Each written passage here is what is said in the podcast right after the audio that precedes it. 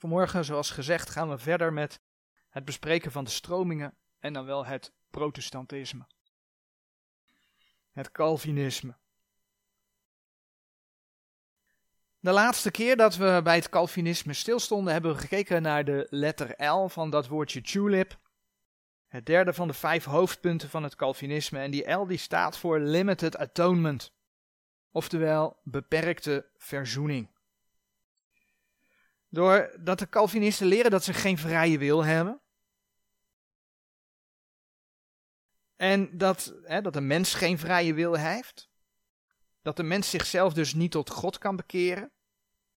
En doordat ze daardoor ook leren dat, ja, de Heere God bepaalde mensen heeft aangewezen om zijn kinderen te worden en anderen, voor anderen is dat onbereikbaar.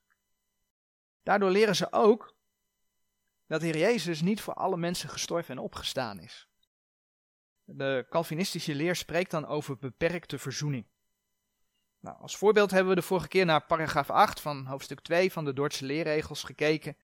En we hebben toen gezien ja, wat de Dordtse leerregels zeggen, en dat dat inderdaad is wat ze leren, die beperkte verzoening. Maar ook wat de Heere God in zijn woord laten zien. En dan laat de Heere God zien dat de Heer Jezus naar de aarde is gekomen en zijn leven voor alle mensen gegeven heeft. We zagen dat Gods woord zegt dat de Heer Jezus voor de hele wereld gestorven is. Dat hij zelfs de goddeloze gekocht heeft. Het staat gewoon letterlijk in de Bijbel geschreven. Nou, de Heere God laat zien dat het zijn wil is dat alle mensen tot bekering komen. Wat dus niet inhoudt dat alle mensen daadwerkelijk ook tot bekering komen. De Heere God laat niet voor niks het evangelie klinken in deze wereld. Want mensen hebben een eigen wil. Op basis waarvan ze die oproep naar zich neer kunnen leggen. Of waarop basis waarvan ze dat kunnen aannemen. Nou, dat mensen een eigen wil hebben wordt natuurlijk ontkend door het protestantisme, door het Calvinisme. Maar in het deel over de totale verdorvenheid van de mens, zagen we dat de Heere God de mens wel degelijk een eigen wil heeft gegeven. Het gaat erom ja, dat je Gods aangeboden verzoening in de Heer Jezus, dat je dat persoonlijk aanneemt. Nou, vanmorgen gaan we verder met die volgende letter uit dat woordje tulip, uit die afkorting tulip, de I. Dat staat voor irresistible grace, oftewel onweerstaanbare genade. Nou, op de site van de Dordtse leerregels lezen we daar onder andere het volgende over, en dat staat op deze dia. Dat is niet een van die regels van die paragrafen zelf, maar dit is een, een intro die ze zelf op die Dordtse leerregels geven. En dat zegt dan, onder irresistible grace, onweerstaanbare genade, een mens is niet in staat om de genade van God te ontlopen, wanneer God heeft besloten om aan die persoon zijn genade te tonen. Dat is dus eigenlijk beknopt ja, waar ze voor staan. Voortkomend uit de gedachte dat de Heere God op persoonsniveau zou bepalen wie er behouden is en wie niet, zijn zogenaamde onvoorwaardelijke verkiezing, voortkomend uit de gedachte dat de mens dus geen eigen wil zou hebben door de totale verdorvenheid, leert men dus ook dat als de Heere God jou op het oog heeft, dat je dan geen nee kunt zeggen. Gods genade zou onweerstaanbaar zijn. Nou, als voorbeeld opnieuw een stukje uit de Dordtse leerregels en ik ga dat voorlezen en dan betreft het paragraaf 14 van hoofdstuk 3 en 4. En daar lees ik dus een stukje uit voor. Zo is dan het geloof een gave Gods, niet omdat het aan de vrije wil des mensen van God wordt aangeboden, maar omdat het de mens metterdaad wordt medegedeeld, ingegeven en ingestort. Ook niet daarom dat God alleen de macht om te geloven zou geven en daarna de toestemming of het daadwerkelijk geloven van de vrije wil des mensen verwachten, maar omdat Hij, die daar werkt, het willen en het werken, ja alles werkt in alle, in de mens teweeg brengt beide de wil om te geloven en het geloof zelf. Tot zover het citaat uit die Dordtse leerregels. Volgens het Calvinisme wordt de eigen wil ja, ontkend. Dat lees je ook in dit stukje weer. En wordt de wil om te geloven en het geloof zelf door de Heere God medegedeeld, ingegeven en ingestort. Dus je zou het niet kunnen tegenspreken of tegenhouden. Nou, elk hoofdstuk in die Dordtse leerregels bespreekt ook een aantal wat volgens hun dan ja, een aantal dwaalleren zijn. En in dwaling nummer 8 bij hoofdstuk 3 en 4 wordt dat ook nog weer eens onder woorden gebracht. Dat het een dwaling zou zijn dat je de wedergeboorte door God als mensen zou kunnen weerstaan. Nou, er zijn een aantal voorbeelden hoe dat dus doorwerkt in wat men leert. Maar eigenlijk gaat het dus opnieuw over de vraag of de mens überhaupt een vrije wil heeft of niet. Alleen nu toegepast op dat stukje of de mens wat de Heer aanbiedt naast zich neer kan leggen of niet. Nou, en het is goed om daar een aantal voorbeelden van te gaan bekijken in Gods woord. En dan gaan we als eerste voorbeeld, of eigenlijk een wat uitgebreide voorbeeld, maar dan zien we verschillende dingen aan de hand van het volk Israël. In het Oude Testament bijvoorbeeld, door de profeet Jezaja, en dan zoeken we Jezaja 45 vers 4 op, wordt Israël onder andere de uitverkorenen van de Here genoemd. In Jezaja 45 vers 4 lezen we dat. Jezaja 45 vers 4 zegt om Jacobs, mijn knechts wil, en Israëls, mijn uitverkorene. Ja, ik riep u bij uw naam, ik noemde u toe, hoewel gij mij niet kendet. Dus God zegt, Israël is mijn uitverkorene. Nou, volgens de Calvinistische leer zou dat betekenen dat Israël de Here niet zou kunnen verwerpen. Dat ze geen nee tegen de Here zouden kunnen zeggen. Nou, allereerst dat Israël de uitverkoren is toen de Heer Jezus bij zijn eerste komst op aarde kwam. En dan bladeren we naar Matthäus 15, vers 24. Toen maakte hij duidelijk dat hij ook echt voor Israël kwam. Hij kwam in de eerste plaats voor dat volk. En een voorbeeld van een vers waar we dat vinden, er zijn meerdere versen, maar we lezen Matthäus 15, vers 24 als voorbeeld. Heer Jezus het volgende uitsprak, maar hij antwoordende zeide, ik ben niet gezonden dan tot de verloren schapen van het huis Israëls. Dus Heer Jezus kwam in de eerste plaats voor Israël. En dan ga je die Bijbel lezen en dan lees je dat dat volk van God Israël de Heere verwierp. In Matthäus 23, vers 37. Daar lees je. Matthäus 23, vers 37. Jeruzalem, Jeruzalem, gij die de profeten doodt en stenigt die tot u gezonden zijn. En dan zegt de Heer, hoe menigmaal heb ik uw kinderen willen bijeen vergaderen, gelijk een hen haar kiekens bijeen vergadert onder de vleugelen, en gij lieden hebt niet gewild. Dus het was Gods wil om het volk bijeen te vergaderen, maar dat volk ging er tegen in.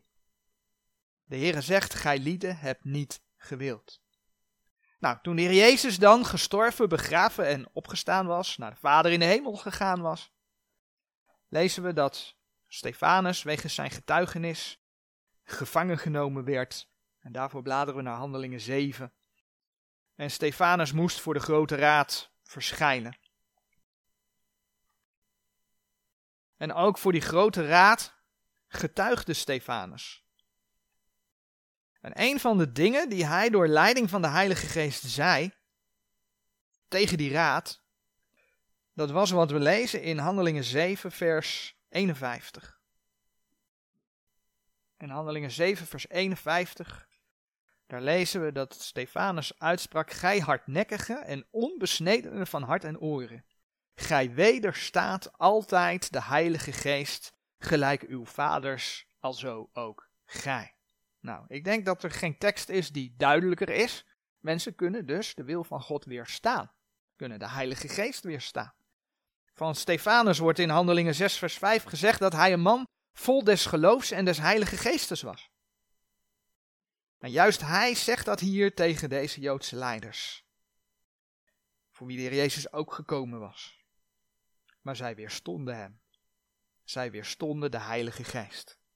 Het gevolg Stefanus werd gestenigd. Dat lees je in Handelingen 7, vers 58. Maar de Heer laat in zijn woord dus duidelijk zien dat zijn wil wel degelijk wederstaan kan worden. Mensen kunnen zijn aanbod van genade klaarblijkelijk verwerpen. Nou, wil je daar nog een tekst bij opzoeken, dan zou je ook Johannes 5, vers 40 als voorbeeld kunnen opzoeken. Dan hebben we het over tot geloof komen, maar laten we ook nog even naar het leven van jou als wederomgeborene kijken. Want ook als wederomgeborene ben je niet altijd in Gods wil. Een voorbeeld van een tekst waarvan we weten dat het Gods wil is, maar wat in de praktijk soms heel lastig kan zijn, is 1 Thessalonicense 5 vers 18. Dankt God in alles, want dit is de wil Gods in Christus Jezus over u. Zolang het goed gaat, is dat heel makkelijk zeggen, hè? dankt God in alles. Maar als je God in alles moet, moet danken, als dat de opdracht van, van, van de Heer is, en als dat zijn wil is, wat we daar lezen in dat vers, moet je dat dus ook doen als het niet goed gaat. Nou, en dat is nog wel eens moeilijk. En ik denk dat we allemaal wel voorbeelden kennen in ons eigen leven waar het moeilijk was en waar we niet direct dachten, dank u wel Heer. En toch zegt de Heere God dat hier. Dus we zijn niet altijd in de wil van God.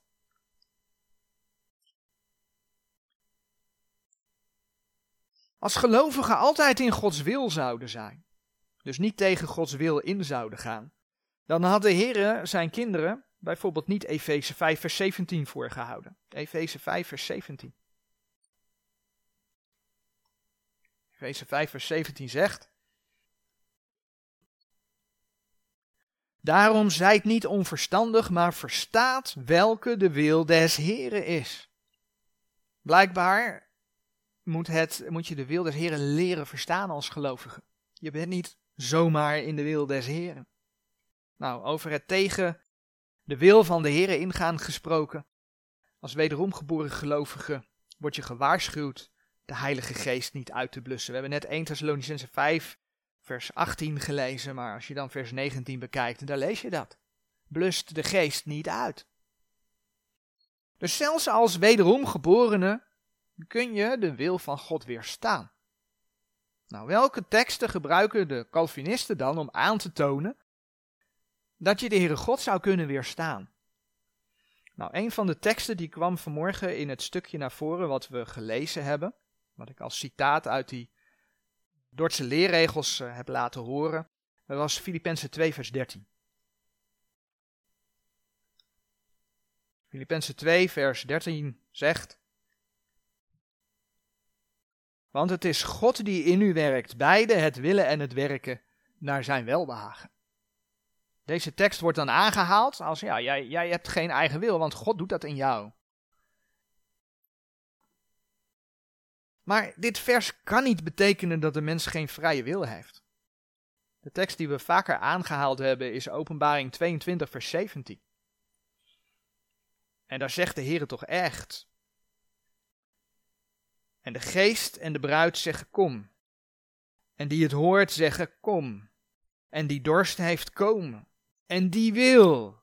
Neem het water des levens om niet. Het zijn de woorden van de Heer die duidelijk laten blijken dat je een wil kunt hebben. Waardoor je kunt komen tot de Heer. Dus wat betekent dan Filippenzen 2 vers 13?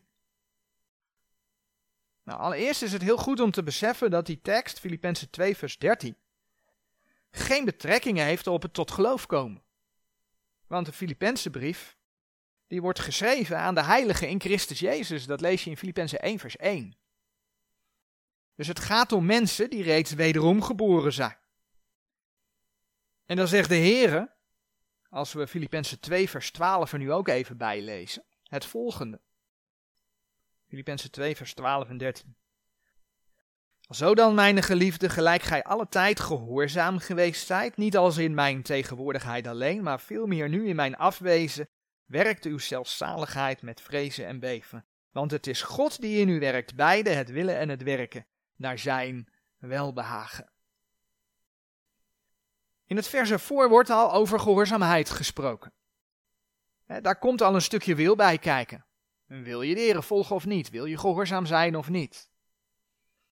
En eigenlijk staat daar dus dat als je als kind van God de wil hebt om naar zijn wil te leven, dat de Heer dan het willen en werken in jou verder gaat uitwerken naar zijn welbehagen. Maar dat schakelt dus een stukje vrije wil om een beslissing te nemen absoluut niet uit. Dus die tekst, Filippenzen 2, vers 13, wordt binnen de formulieren van de protestantse kerken uit het verband gehaald ja, die tekst wordt misbruikt. Daar wordt gewoon een andere betekenis ingelegd. Een andere tekst die men wel aanhaalt is Efeze 1 vers 19.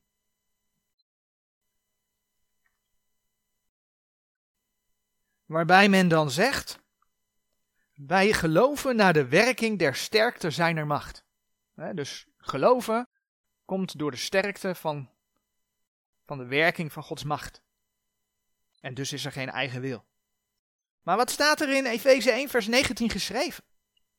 Daarbij is het ook weer goed om te beseffen dat de brief Efeze geschreven is, Efeze 1 vers 1, aan gelovigen in Christus Jezus.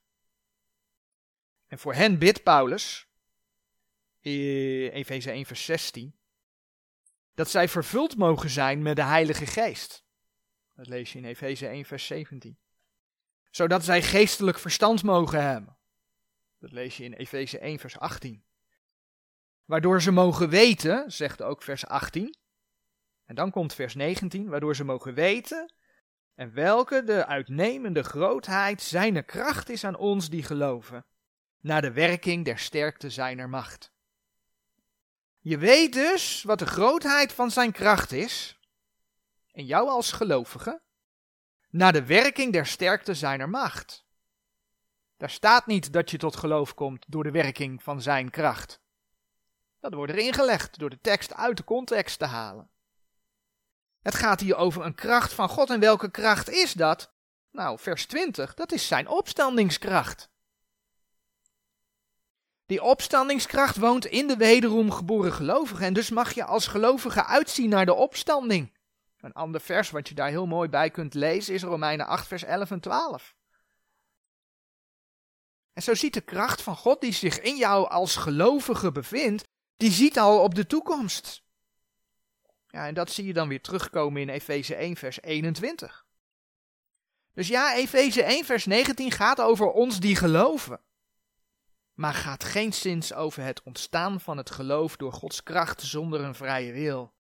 Het gaat over opstandingskracht die in de gelovige aanwezig is. Dus zie je opnieuw hoe men een tekst uit de context haalt ja, en men laat het eigenlijk een volledig eigen leven gaan leiden. Men laat het volledig iets anders zeggen dan er eigenlijk staat. Laten we afsluiten met een mooi voorbeeld over de vrije wil. Een vrije wil om ja te zeggen, maar als je een vrije wil hebt om ja te zeggen, betekent het dus ook dat je nee mag zeggen. De geschiedenis van de knecht van Abraham. Laten we naar Genesis 24 bladeren van de knecht van Abraham die een bruid gaat zoeken voor zijn zoon, Isaac.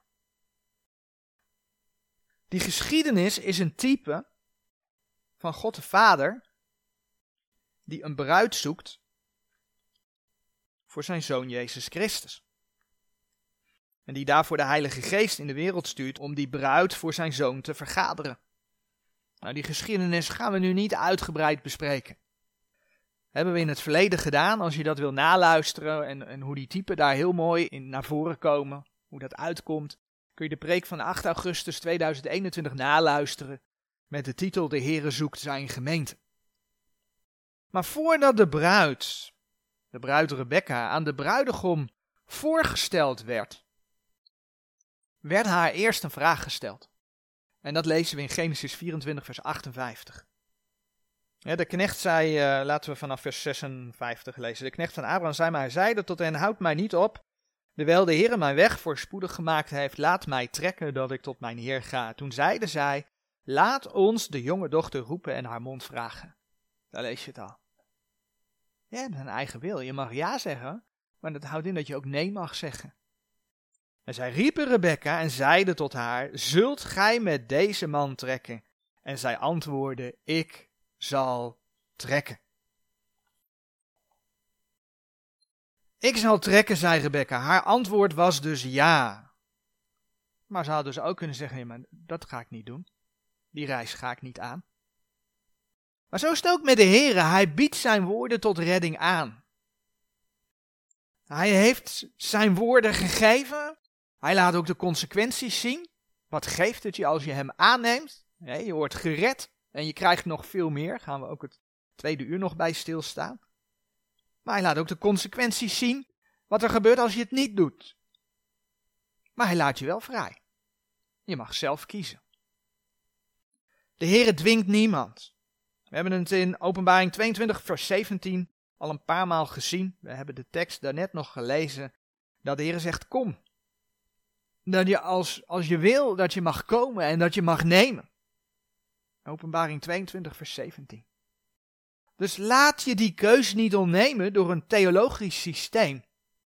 Dat teksten uit Gods woord plukt en die misbruikt om wat anders te leren dan Gods woord zegt.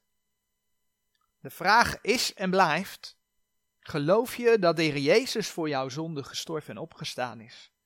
En zo ja, heb je dat hem met je mond beleden? En die keus moet een ieder zelf maken. Als je dat doet, zegt de schrift, dan ben je behouden. Als je dat wil nalezen, kun je dat vinden in Romeinen 10, vers 9 en 10. Amen.